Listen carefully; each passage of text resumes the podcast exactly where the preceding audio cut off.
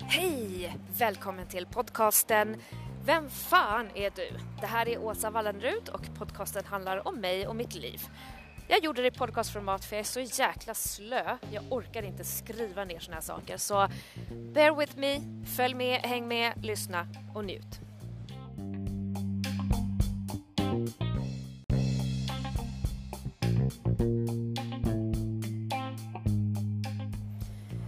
Idag så testar jag på det här med att spela in podcast on the go. Så allt ljud ni hör är från Kungsgatan och Drottninggatan i centrala Stockholm. Eh, det är det som är lite behändigt med den här Anchor-appen, att man kan göra det här on the go. Så eh, nu ska jag ta mig tillbaka till min arbetsplats. Lunchen är över och när ni lyssnar på det här så är jag på massagebänken eftersom vi har gratis massage på mitt jobb. Så lyssna på. Vi pratar om talängslan och hur man går till att vara, nej, från att vara livrädd till att bli en föreläsare.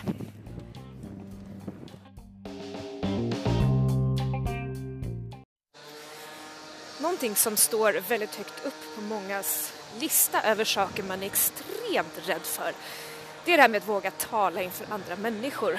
Um, och jag har själv varit där. Det har varit en av mina tuffaste utmaningar någonsin i livet. Och eh, idag så är jag en etablerad föreläsare faktiskt och jobbar med att just föreläsa. Eh, där jag pratar mycket om svarta hemmet och tekniker som AI, AR och VR. Och eh, det det var faktiskt inte en jättelång resa till att komma hit om jag ska vara helt ärlig. Utan det gick för mig väldigt bra. Men jag tänkte att jag skulle dela med mig lite av hur min resa var. Så att ni kan känna er lite trygga i att faktiskt också våga ta det där steget. Det där ack så viktiga lilla steget till att faktiskt bestämma sig och gå in i det här projektet med hull och hår.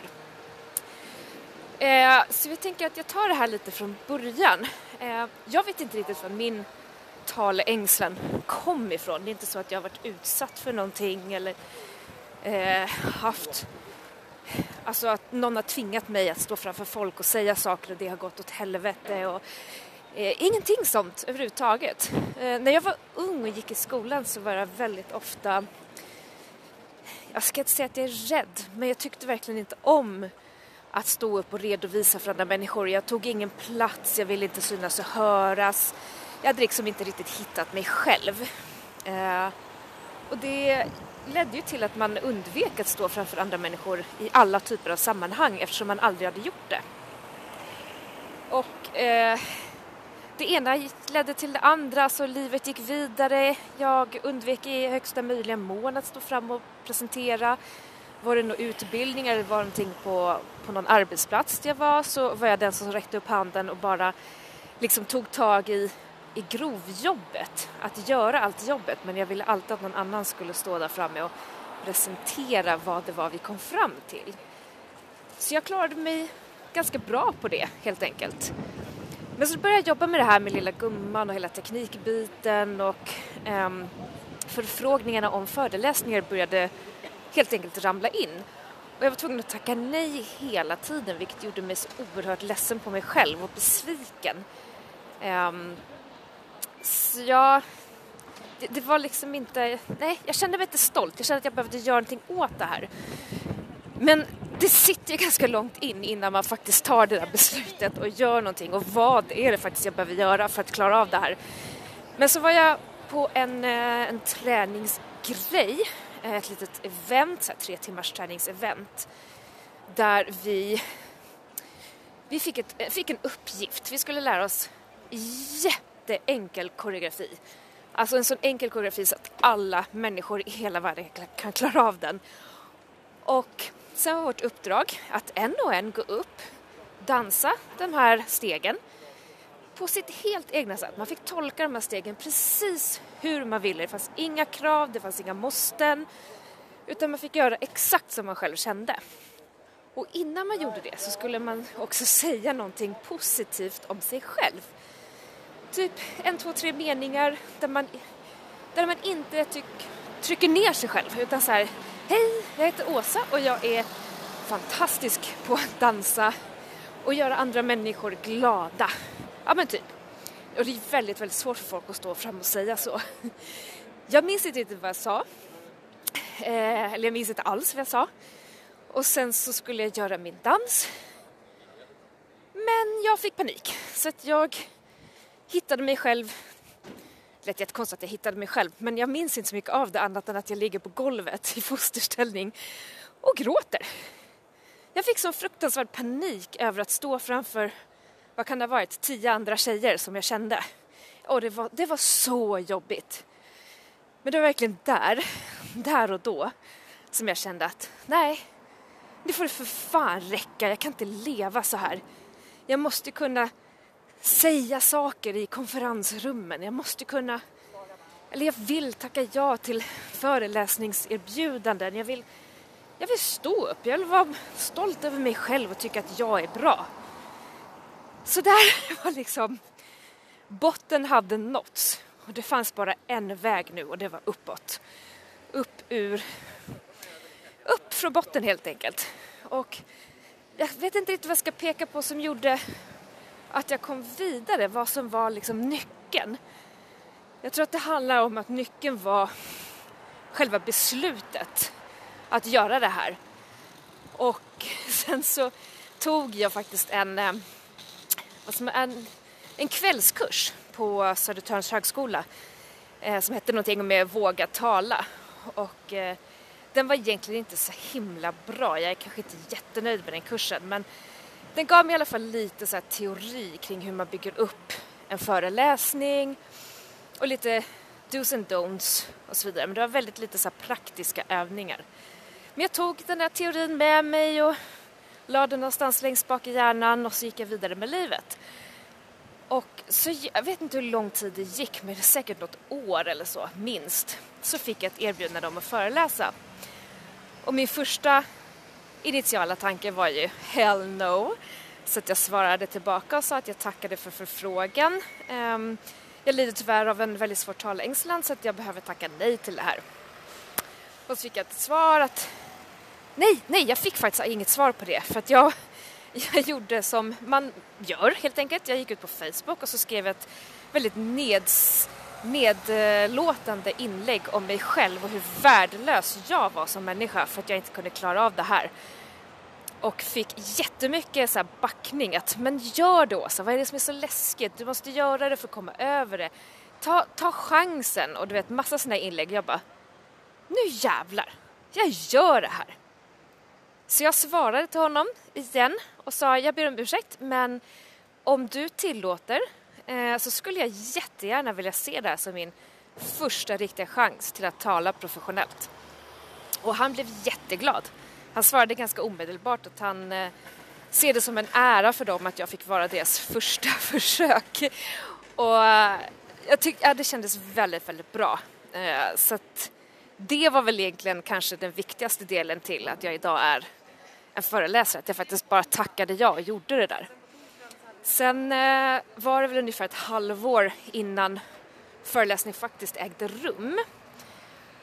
Och fram tills dess så var ju naturligtvis det viktigaste att researcha det här området jag skulle prata inom, bygga upp en föreläsning. Men sen, det absolut viktigaste för mig var att öva. Öva konstant. Jag hade förmånen att jobba på ett kontor och när klockan hade slagit fem så brukade jag alltid smita in i de här kontors, eller de här med konferenslokalerna som var ganska instängda där man inte kunde se in och så kopplade jag upp min dator och sen körde jag. Eh, jag körde igenom den här presentationen, ja, jag vet inte, kanske 40-50 gånger eller någonting. Och efter varje gång, eller under varje gång så tog jag också tid, ingenting som jag tittade på, jag vände alltid telefonen upp och ner, men jag tog alltid tid. Eh, jag gjorde korrigeringar konstant i presentationen för att jag skulle få ett naturliga flöde. Och jag lärde mig hur mycket eller hur lite som behövs för att fylla eller ja, fylla tiden är oftast inget problem utan hålla sig kort, hålla sig inom den tiden man hade fått. Så, alltså att jag körde den här föreläsningen så många gånger. Ehm, det gjorde att jag var så säker på mitt material när jag väl var där att jag kände mig ganska lugn. Jag hade också gjort så här talarkort för att jag skulle kunna hålla någonting i handen. Jag kände att jag ville kunna vara, alltså röra mig lite på scenen. Jag, jag ville känna mig bekväm. Därför tänkte jag att jag har talarkort. För då kan jag alltid luta mig tillbaks på dem när jag talar. De här talarkorten tittade jag aldrig på. Inte en enda gång tittade jag på talarkorten. För jag var så säker i mitt material att det verkligen inte behövdes. Eh, det var väldigt bra. Men däremot när jag kom dit, det här var på ett hotell och eh, jag kom naturligtvis i väldigt god tid som jag alltid gör så jag sitter i hotellfoajén, hotellobbyn och väntar. Och jag känner mig så här märkligt lugn tills det är ungefär så 30 minuter innan jag ska komma in. Då rasar min mage. Det var tydligen min reaktion på stressen. Magen bara brakade sönder totalt och jag var så jävla nojig över att jag inte skulle klara av det här överhuvudtaget. Så eh, nej men jag gick in eh, och då, då, ska jag tillägga det här att jag då var en, en ganska basic techjournalist. Alltså jag är inte så djupt superinsatt i det här. Jag skulle tala inför 100 IT-arkitekter på den här konferensen. Eh, jag vet inte om det var en enda kvinna där, men det var i alla fall väldigt mansdominerat och jag kände mig redan osäker som det var. Så det var, det var tufft, men när jag väl Jo, jag ställde mig på scenen och jag var så super, super nervös och började med typ att jag skulle presentera mig, eh, vilket det var lite så svamligt, mumligt. Men sen så var det som att någonting i min hjärna bara så här, Åsa, nu har du två val. Det ena är att du rycker ut datorn, springer härifrån och aldrig mer kommer tillbaka. Eller så skärper du dig. Och jag valde faktiskt att skärpa mig. Så jag bestämde mig där och då på scenen för någonting magiskt, att jag liksom skulle trycka undan den här nervositeten och känna mig trygg i att jag äger kunskapen, jag kan det här jag ska prata om. Jag vet vad jag ska säga, jag vet vilken ordning det kommer. Jag vet vilka slides jag har och vilka saker jag kommer säga som kommer få folk att skratta. Bara gör det! Och jag fick jättemycket beröm efter den här föreläsningen.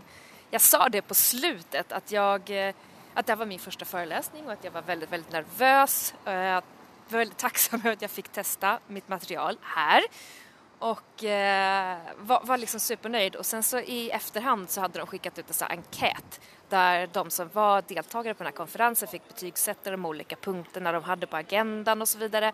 Där min slott faktiskt hamnade väldigt högt upp. Den var, den var inte på topp och det tror jag mest beror på att innehållet inte var relevant för alla människor och det är helt okej. Okay. Men det var så mycket bättre betyg än vad jag någonsin hade hoppats. För ens egna upplevelse är ju oftast att det är liksom svamligt och eh, att, att, man inte ska förstå vad man vill eller vad man vill få fram och att det blir så här, ja men typ flamsigt, tramsigt. Men det var inte det. Jag vet ju så här i efterhand att det inte var det.